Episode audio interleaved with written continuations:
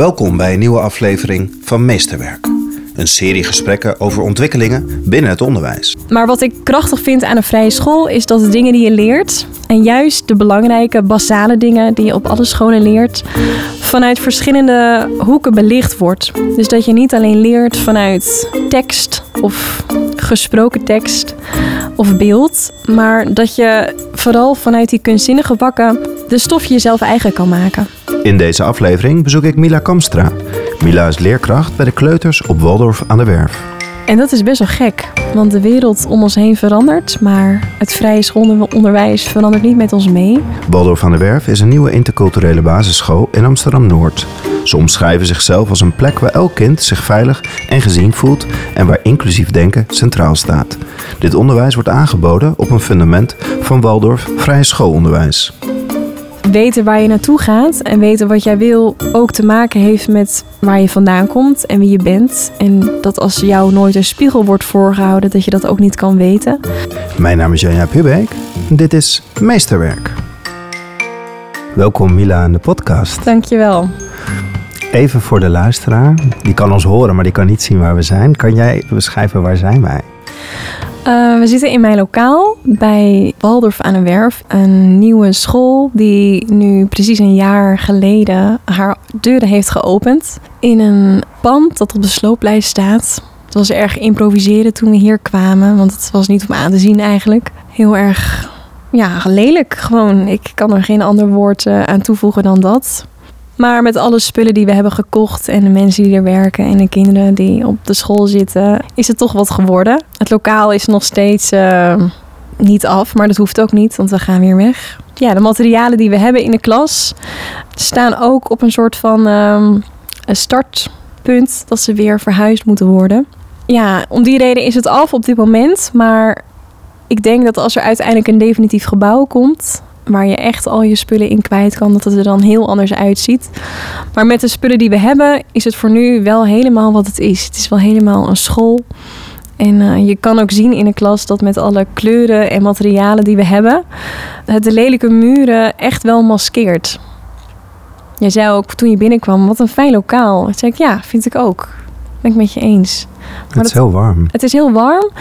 En ja, er is toch wel nagedacht over de spullen die er zijn. Uh, dat klopt gewoon. Daar moet je iets van maken. Dus je wordt er wel creatief van. En nu je dit zegt, besef ik me nu pas dat het gebouw inderdaad heel lelijk is, maar dat de aankleding heel prettig is. Ja. ja. Zegt dat iets over het vrije schoolonderwijs? Ja, dat denk ik wel. Het vrije schoolonderwijs kiest wel echt bewust voor uh, natuurlijk materiaal. Waar onze basis ook wel echt uit bestaat. onze, ons geïmproviseerd bureau is gemaakt van bankjes en een kist om mee te bouwen en een schilderplank waar mijn microfoon op staat. Allemaal gemaakt van hout. Um, en dat zie je in heel veel vrije scholen ook zo terug.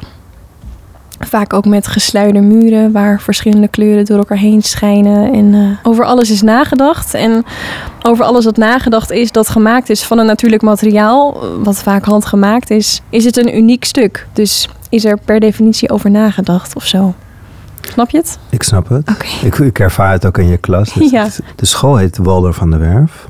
Waldorf slaat op het vrije schoolonderwijs. Het heet heel bewust geen vrije schoolonderwijs, maar Waldorf. Kan jij vertellen wat voor soort school of wat de visie van deze school is? Ja, we zijn begonnen als interculturele vrije school. Waarbij we willen dat niet alleen de vrije schoolfeesten worden gevierd, die je kent van uh, nou, het vrije schoolonderwijs in Nederland. Maar dat daarnaast ook feesten worden gevierd die we tegenwoordig en eigenlijk al heel lang in onze maatschappij vinden en terugzien. En niet, misschien niet van jezelf, maar misschien wel van een buurman of een buurvrouw of, of mensen uh, die je kent van je werk of vrienden of vriendinnen. Voor ons ligt de uitdaging om onderwijs vorm te geven met de bijbehorende jaarfeesten die passen bij de wereld waar deze kinderen in wonen straks. En welke wereld wonen deze kinderen? deze kinderen wonen in Amsterdam. Amsterdam vind ik zelf een plek waar ja, waar je alles kan tegenkomen. Alleen je moet er wel zelf naar kunnen kijken en willen kijken en durven kijken. Ja, het is aan ons om alles wat je ziet in deze stad herkenbaar te maken. We zitten in Amsterdam Noord om het even iets specifieker te maken, een diverse wijk. Is dat ook het vertrekpunt geweest van Waldorf. We willen echt die afspiegeling vertegenwoordigen. We willen, we willen een school zijn waar de buurt zich in herkent en thuis voelt. En we willen vooral een school zijn wat een publiek aantrekt dat voor iedereen herkenbaar is, maar dus ook van de buurt. En heel vaak bij vrije scholen is dat wel het geval, maar is het in mijn ogen vaak een, een, een specifieke groep van de buurt en niet de hele buurt. Is het gelukt hier? Zit de hele buurt hier in de school? Ja en nee. Sommige ouders wonen best ver weg. Ook vanwege de, de huizennood in Amsterdam. Dus je kan niet altijd wonen op de plek waar je wil wonen in Amsterdam. Dus dat is gelukt. Er wonen mensen dicht bij school en wat verder weg. Dus het is ook fijn om te zien dat de ouders de moeite nemen om naar onze school te komen, ondanks dat ze niet in de buurt wonen. Maar ja, ik, ik denk dat we nog wel wat meer buurt kunnen gebruiken op onze school. En de diversiteit, is dat gelukt? Ja, dat lukt. Maar dat mag nog groeien. Kan je even voor de luisteraar die wel iets van een vrije school weet, maar niet zoveel, hoe zou jij in jouw woorden het vrije schoolonderwijs wat jullie hier hebben omschrijven? Ik zou het omschrijven als een school waar alle kinderen een plek krijgen om herkend te mogen worden en ook erkend in wie ze zijn. Ja, misschien wat ze hebben meegemaakt of wat ze mee gaan maken en hoe je dat kind handvatten kan geven om daarmee om te kunnen gaan. En vooral dat iedereen welkom is. Ook als ouder en ook als podcastmaker en als begeleider, noem het maar op. Dat je het gevoel krijgt dat je hier welkom bent en dat er voor jou een plek is. En dat in de loop van de jaren dat je hier op school zit, het steeds duidelijker wordt voor jezelf, voor je ouder, voor je ouders en voor de leerkracht. Ja, wat we jou kunnen bieden om die plek voor jou uh, vertrouwd te maken. Eigenlijk heel mooi zeg je van we helpen je om zelfstandig in de wereld te gaan staan. Ja, we helpen je om te voldoen aan jezelf en niet te voldoen aan iets dat wij maken. Of, of een beeld waar, dat wij schetsen waar jij aan moet voldoen. Want wie jij bent is al genoeg. En het is denk ik ook voor alle vrije scholen de taak, maar ook de wens om datgene eruit te halen wat er al zit.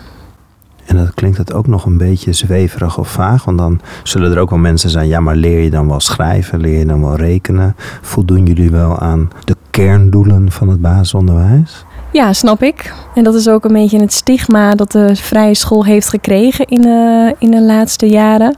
Ik denk ook oprecht, en dat geldt voor alle type scholen of alle type onderwijs, dat het niet voor alle kinderen gemaakt is. Als, als jij een kind bent dat het fijn vindt om zelf de regie in handen te houden wat betreft wat je doet in een week. In de kleuterklas is dat nog niet echt aan de orde, zo'n weektaak. Maar ja, als je ouder wordt, zit op een vrije school en je doet veel in groepsverband. Want er wordt veel klassikaal les gegeven en dat past niet bij jou. Ja, weet ik niet of de vrije school wat dat betreft een fijne plek is. Maar wat ik krachtig vind aan een vrije school is dat de dingen die je leert, en juist de belangrijke, basale dingen die je op alle scholen leert, vanuit verschillende hoeken belicht wordt. Dus dat je niet alleen leert vanuit tekst of gesproken tekst of beeld, maar dat je vooral vanuit die kunstzinnige vakken, vakken de stof jezelf eigen kan maken. Hoe ben je in het vrije schoolonderwijs terechtgekomen? Ik heb zelf op de vrije school gezeten als kind in Hoorn, de Parsifal. West-Friese Vrije School de Parsifal heette het altijd. Mijn moeder die is daar gaan werken op een gegeven moment. Ja, eigenlijk door mijn eigen school is mijn moeder daar ingerold. Is het, ja, het lesgeven en het vrije schoolonderwijs er een beetje met de paplepel ingegoten. Dus mijn basisschooltijd heb ik daar doorgebracht. En daarna had ik het wel echt gehad ook. Toen dacht ik, ja, nou is het tijd voor iets anders. Wat heeft het vrije school basisonderwijs jou gebracht? Ik denk heel veel waardering voor alles dat er om je heen is. Omdat er met zoveel zorg en aandacht les wordt gegeven. De leerkrachten van een vrije school zijn zo ontzettend uh, verbonden en begaan met hun vak. En met de lessen die ze geven en met de kinderen. En er zit zoveel tijd in, uh, liefde, toewijding, noem maar op. En ik vind dat je dat als kind, ongeacht wie er bij jou voor de klas staat, dat je dat heel erg meekrijgt en voelt. Ja, er, er, is, er is iets wat je als leerkracht moet kunnen, maar ook moet willen doen uh, om die verbinding met je kinderen aan te gaan. En als kind voel je dat. Is iemand oprecht of niet? Wil iemand mij echt iets leren of niet? Waarom zeg je dan dat je het gehad had aan het eind van de basisschool? Waar was je dan klaar mee? Uh, Was, was het ook benauwend misschien? Ja, het, het, ik vond het ook eenzijdig. De school waar ik op heb gezeten was een school waar je zes jaar lang dezelfde leerkracht had. En dat is fijn, maar kan ook eenzijdig zijn. Want in die zes jaar tijd heb je één leerkracht uh, die jouw les geeft. Ik had een leerkracht die vijf dagen voor de klas staat. Dus dat betekent dat je zes jaar lang, vijf dagen lang, elke dag dezelfde leerkracht hebt. En dat is best wel intens. Of je nou een goede of een minder goede band met je juf of meester hebt. Het is ook eenzijdig. Wat je in veel vrije scholen nu ziet, is dat er een, een splitsing met drie jaar wordt gemaakt. Dus dat je na klas drie een andere leerkracht krijgt. En dat lijkt me heel fijn, want dan krijgen alle kinderen de kans om een leerkracht voor zich te hebben waar ze waarschijnlijk iets mee hebben, maar in ieder geval iets van mogen leren. En van allebei iets anders. Je had het gehad met de vrije school. Je bent niet naar een vrije school, middelbare school gegaan? Nee, dat was ook ver. Dat was in Bergen. Dus dan moest ik elke dag met de trein naar Bergen om naar die school te gaan. En mijn ouders hadden ook zoiets van, ja, weet je, um, dan bouw je daar ook een sociaal leven op. En je wordt toch afhankelijk van de trein om dan bij dingen te zijn of, of met vrienden af te spreken. Er gaat gewoon best wel veel tijd in zitten. Um, dus je, ja, vraag je af of je dat wil. Ja, en toen kwam er op een dag, zijn we elkaar tegengekomen, even voor de luisteraars. Want jouw allereerste dag aan de lerarenopleiding kwamen wij elkaar in de gang tegen. Wat was de aanleiding dat jij naar het vrije school lerarenopleiding bent gegaan? Ja, je zet je toch een beetje af tegen hetgene, tegen je bekendheid uh, als puber. Ongeacht of je nou wel of niet op de vrije school hebt gezeten. Alles dat bekend is en, en vertrouwd, daar wil je toch een beetje uitbreken. Nou, dat was natuurlijk uh, ook de vrije school en, en het spirituele en het zweverige en het biologische eten, noem maar op. Dat had ik gehad. Um, en ik kreeg ook de ruimte om dat helemaal los te laten. Ook van mijn ouders en die, die, die begrepen dat ook wel. Dus ja, ik kon gewoon mijn eigen gang gaan. En uh, ik, ik leerde nieuwe mensen kennen. Maar de vriendinnen van de basisschool die bleven wel dicht bij me, nog steeds. Daar ben ik nog steeds heel goed bevriend mee. En toen ben ik na de middelbare school een mbo-opleiding gaan doen. Dus toen heb ik voor jeugdzorg gekozen. En toen moest ik stage lopen. En toen kwam ik bij scholen in Hoorn, speciaal onderwijs, waar er met kinderen best wel veel aan de hand is. En ik schrok eigenlijk van de school waar zo'n kind naartoe gaat. Zeker een kind wat nog meer aandacht en steun nodig heeft dan een kind dat gewoon naar een, een reguliere school kan. En ik dacht, wat is het hier kaal en, en onverzorgd. En ja, het is niet echt als je naar school gaat, dan is het niet echt fijn of zo. Het is niet, ik vond het geen fijne plek. Ik vond het niet uitnodigend. En ik was zelf in het onderwijs dat ik op dat moment aan het geven was, heel erg op zoek naar de warmte die ik als leerkracht kon geven. Los van de materialen en los van het gebouw. En eigenlijk ook los van de lessen. Dus wie ik als mens kan zijn voor een kind, als leerkracht, hoe ik dat tastbaar kon maken. En toen realiseerde ik me dat ik zo verwend was eigenlijk met de school waar ik naartoe ben gegaan en de dingen die ik daar heb geleerd. En dat mijn ouders heel bewust daarvoor hebben gekozen. Dat je best wel bevoorrecht bent als je op die manier mag opgroeien. En dat had ik eigenlijk altijd voor lief genomen. Totdat ik naar zo'n school ging en zag ja, waar sommige kinderen vandaan komen. Eh, dat er helemaal niet altijd steun is van je ouders. En dat je als kind soms best wel een zwaar pakket met je mee hebt te nemen. En dan ben je nog maar zeven of acht. Toen ben ik naar de open dag gegaan en dacht ik, ja, dit lijkt me wel wat. En niet omdat ik per se leerkracht wilde worden, maar ik miste wel datgene wat ik los had gelaten. Dus, dus juist omdat ik het helemaal een beetje had uitgekotst en er helemaal klaar mee was, kon ik het ook weer op mijn eigen manier opnieuw waarderen. En dat ik mezelf dat had toegestaan, dat is waar het om ging eigenlijk. En het was ook niet dat ik vond of het gevoel had dat ik leerkracht wilde worden. Maar dat was meer dat ik dacht, ik denk dat deze opleiding, of je nou wel of niet voor de klas gaat staan, een hele mooie toevoeging is aan je ontwikkeling. En dat is eigenlijk de reden waarom ik er toen mee ben begonnen. En in jouw laatste jaar ben jij naar India gegaan. Ja. Heb jij een vrije school in India gezocht? Klopt. Bezocht. Even heel kort, want dan gaan we het lekker over Walder van der Werf hebben. Maar vertel even, hoe ziet een vrije school in een totaal andere cultuur eruit? Heeft het nog steeds nog ook die kern die je net zo mooi beschrijft? Warm, holistisch naar het kind kijken, ook in materiaal en aandacht. Was dat daar ook? Vanuit de leerkrachten wel. Het vrije schoolonderwijs is in een land als India nog niet zo bekend. Wel bij de de rijke laag van de bevolking. bevolking.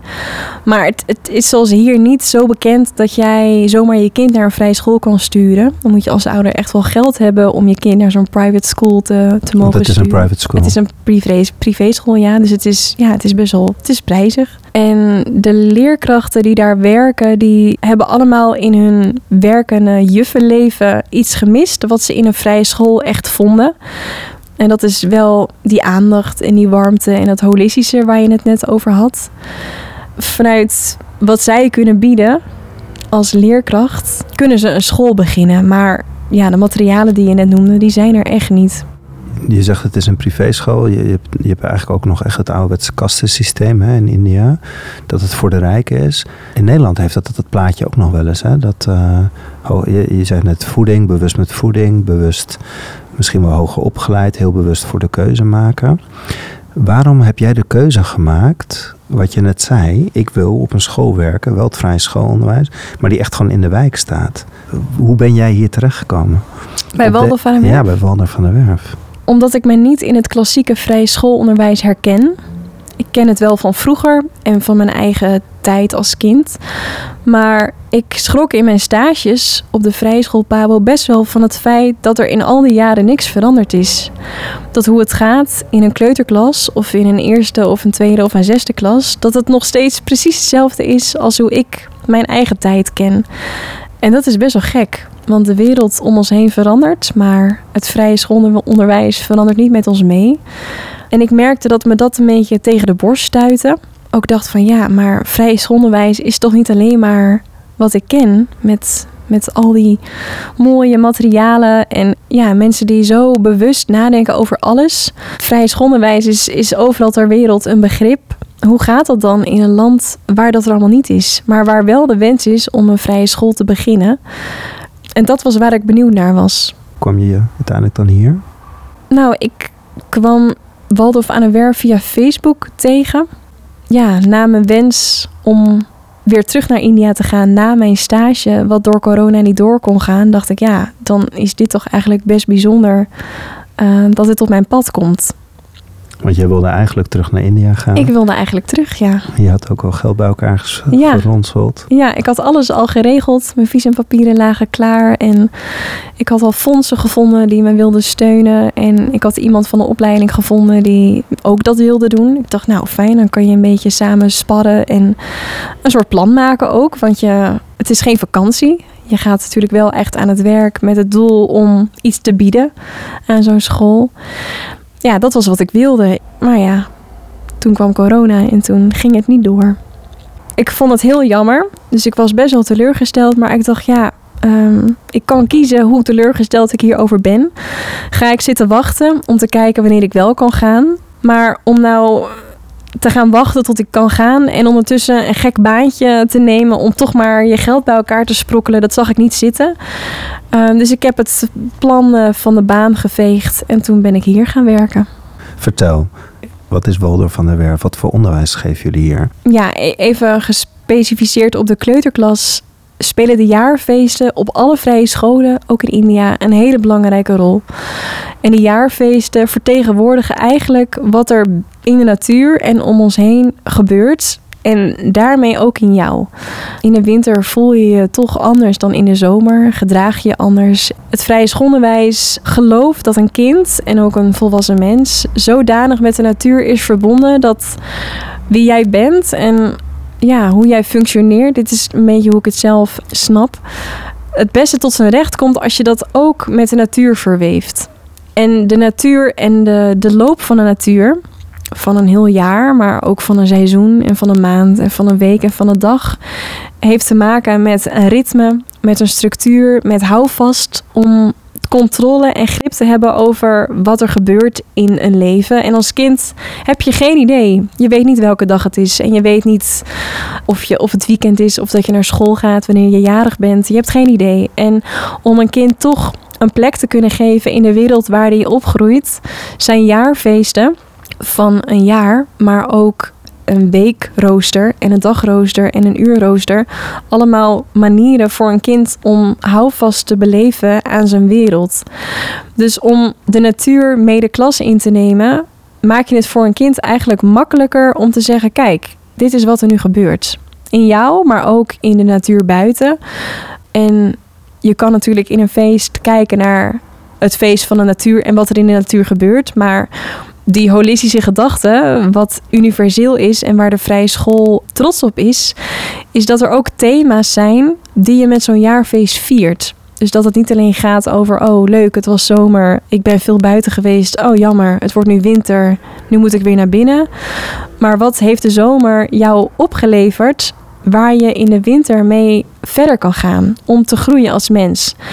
En het Michaelsfeest, het feest dat we net hebben gehad, is het eerste feest na de zomer, uh, wat eigenlijk een lichtfeest is. En wat gaat over dapper zijn. Ben jij dapper om afscheid te nemen van het licht in de zomer en in de winter dat licht mee naar binnen te nemen en in een nieuw jaar daar weer iets nieuws uit te kunnen putten?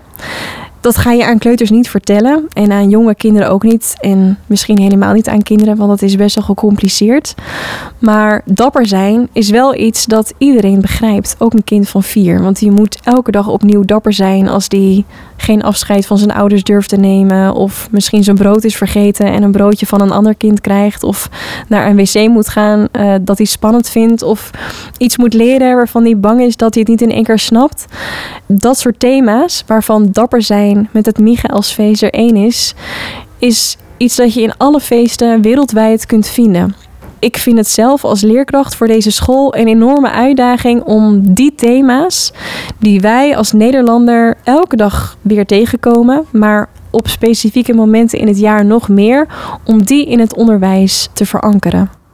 Want dat is echt wat jullie dan hier op school doen. Hè? Dus jullie proberen niet zozeer alleen maar naar de christelijke traditie te kijken, maar echt van kunnen we de vergelijkbare verhalen uit andere culturen ja. en achtergronden halen om die dan in de klas te krijgen. Ja, dus hoe maak je het leven herkenbaar?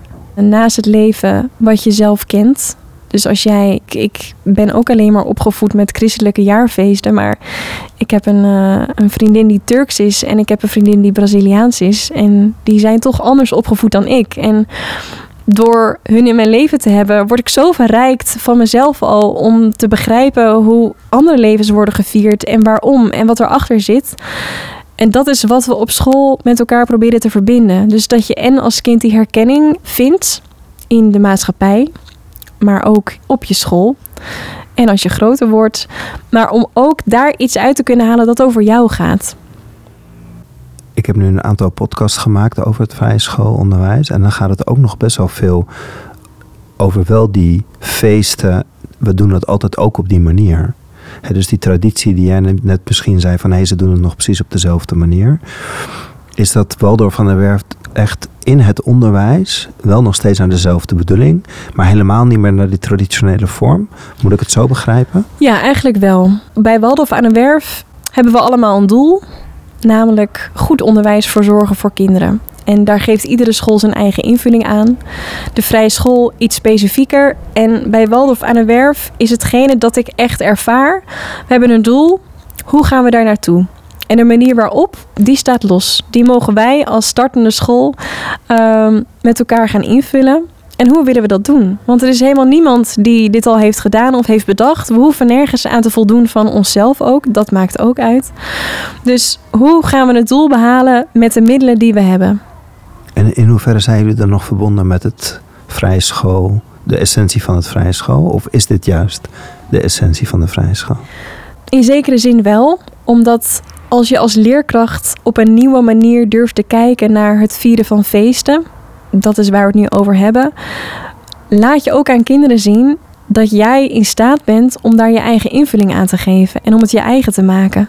Dat is iets dat ik heel erg bij de vrije school vind passen En je zou kunnen zeggen, ja, de feesten die je viert maakt ook dat je een vrije school bent. En de materialen die je hebt maken dat je een vrije school bent. En überhaupt het type onderwijs dat je verzorgt maakt dat je een vrije school bent. Maar vooral dat stukje eigenheid dat je kinderen wil leren, is ook dat een vrije school een vrije school maakt. Maar dat kan je een kind pas leren als je dat ook zelf durft te zijn.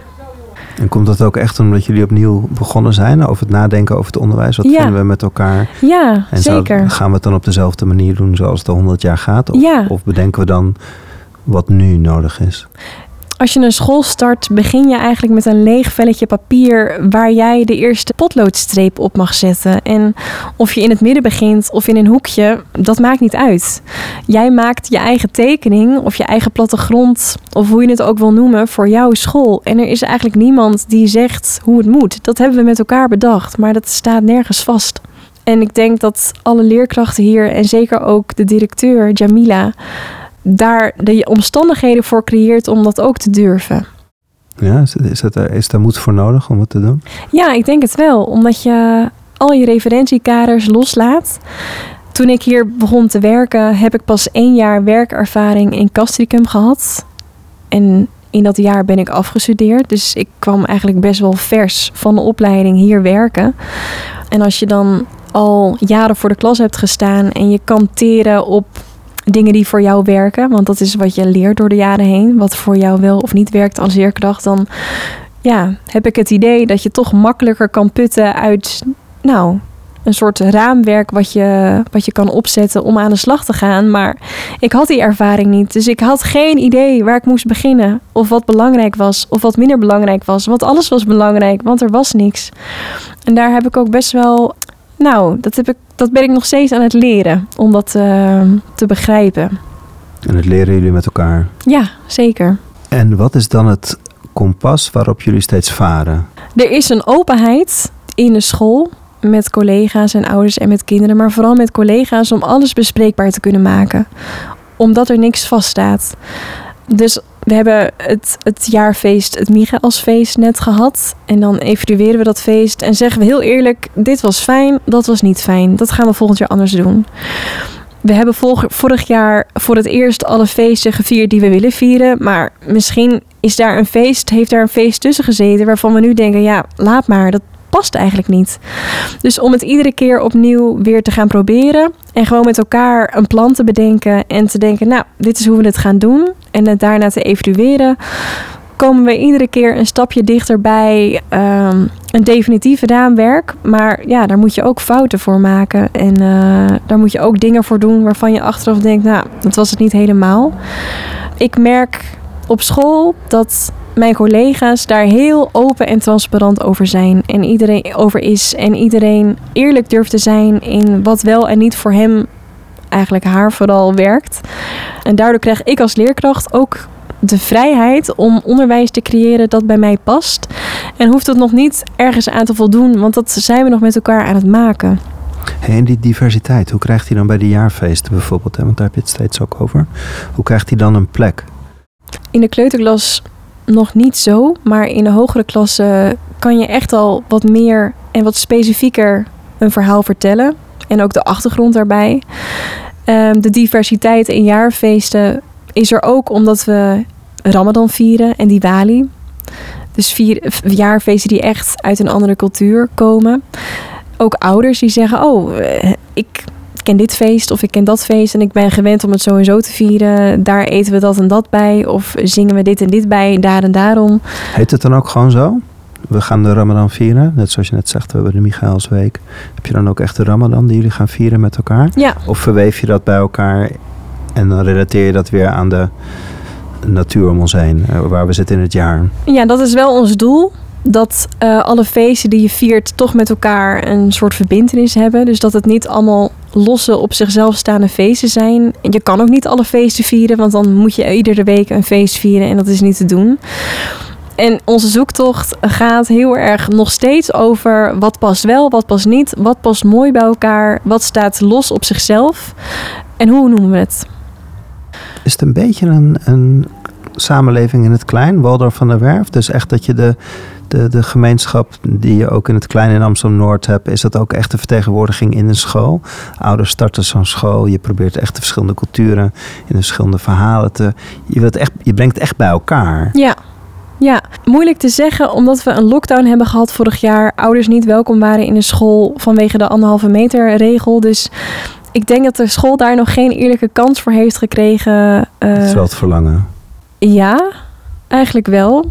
Om van elkaar te kunnen leren, maar niet om als gesloten geheel ons te huisvesten in Amsterdam Noord. Juist om wel transparant te zijn en ehm, toegankelijk te zijn ook voor mensen die misschien niet hun kind op de school hebben, maar de school wel iets te bieden hebben. Ja. Wat zou je de komende jaren willen doen? Mijn ambitie is eigenlijk niet om voor altijd voor de klas te staan. Maar inclusie vind ik heel interessant en ook steeds interessanter worden. Vooral omdat wij daarin nog aan het pionieren zijn. En zoals ik al zei, dat op de meeste vrije scholen nog echt anders gaat. Ik zou het heel leuk vinden om de dingen die we hier met elkaar ontdekken en leren, om andere scholen en geïnteresseerden, überhaupt geïnteresseerden, als je als school dat niet wil, moet dat ook kunnen. Maar dat je met alles wat je hebt gedaan en ervaren, dat je andere scholen en leerkrachten daarmee kan helpen. Dus dat niet iedereen zijn eigen wiel opnieuw hoeft uit te vinden. En allemaal los van zichzelf het inclusieve schooltje aan het spelen is. Maar ja, dat je van elkaar kan leren en dat het onderwijs dat je met elkaar creëert eh, echt betekenisvol kan maken voor iedereen die daar belangstelling voor heeft. Je blijft op avontuur gaan eigenlijk. Eigenlijk wel, ja. Wel steeds vanuit hetzelfde vertrekpunt. Ja, vooralsnog wel. Omdat ik dat heel belangrijk vind, ook voor mezelf. Ik vind het belangrijk dat er voor mij in de wereld en in de maatschappij en bij mijn vrienden en familie dat er ook erkenning is. En dat wie ik ben en de keuzes die, je die ik maak, dat, ja, dat ik daar niet om veroordeeld word. En dat is ook wat ik kinderen eh, wil meegeven. En de leerkracht die ik wil zijn. En zoals ik al zei, dat je als kind niet het idee hebt dat je ergens aan moet voldoen. En dat als jij je anders voelt of anders bent of er anders uitziet, dat je dan buiten die curve valt. Dat zou ik heel erg vinden. Het waartoe van Waldorf van der Werf is ook wel echt jouw persoonlijke waartoe. Ja, klopt. Ja, dat je pas kunt groeien als je weet waar je wortels vandaan komen. Dat is waar ik net aan moest denken. Omdat weten waar je naartoe gaat en weten wat jij wil ook te maken heeft met waar je vandaan komt en wie je bent. En dat als jou nooit een spiegel wordt voorgehouden, dat je dat ook niet kan weten. Als je dat van jezelf weet, waar je vandaan komt en waar je naartoe gaat, kan je dat van een ander ook begrijpen. Zo, zo zie ik het een beetje. En dat is ook wat elke dag in de klas aan bod komt. Dat kinderen een spel spelen en daar een idee bij hebben en dat het zo moet gaan. En dat is, ja, dat is wel een kind die zegt, ja, maar daar heb ik geen zin in. Of nee, dat vind ik niet. En het leuke is dan als er een discussie komt of een ruzie en eh, hij zegt dit en, en jij zegt dat. En dan zeg ik, ja, maar we mogen toch allemaal iets anders geloven. We mogen toch allemaal een andere waarheid hebben. En het gekke is dat kleuters dat allemaal begrijpen. En dan denk ik, ja, door dit soort bewoordingen en bewust mijn zinnen te kiezen en bewust dit soort situaties te gebruiken om die diversiteit en die inclusie en die erkenning een plek te geven, ehm, dat is voor de kleuterklas het allerbelangrijkste, denk ik. Nou, Mila, ik ben jou op je allereerste dag dat je naar de leraaropleiding bent gaan tegenkomen. Dat, weten we allebei echt nog, hè? dat is heel leuk. Ik vind het heel tof om nu in jouw klas te komen. Ik ga je gewoon blijven volgen. Fijn. We gaan het zo lang met het podcast door tot jij je missie hebt bereikt. Dat er heel veel scholen in de heelheid naar kinderen blijven kijken. Fijn. Ja, dat eh, wens ik ook. Dank je dat ik in je klas mag zijn. Dank je voor je tijd. Yes. Meer podcastafleveringen van Meesterwerk zijn te beluisteren via Spotify, iTunes, Soundcloud of kijk op janjapubeek.nl.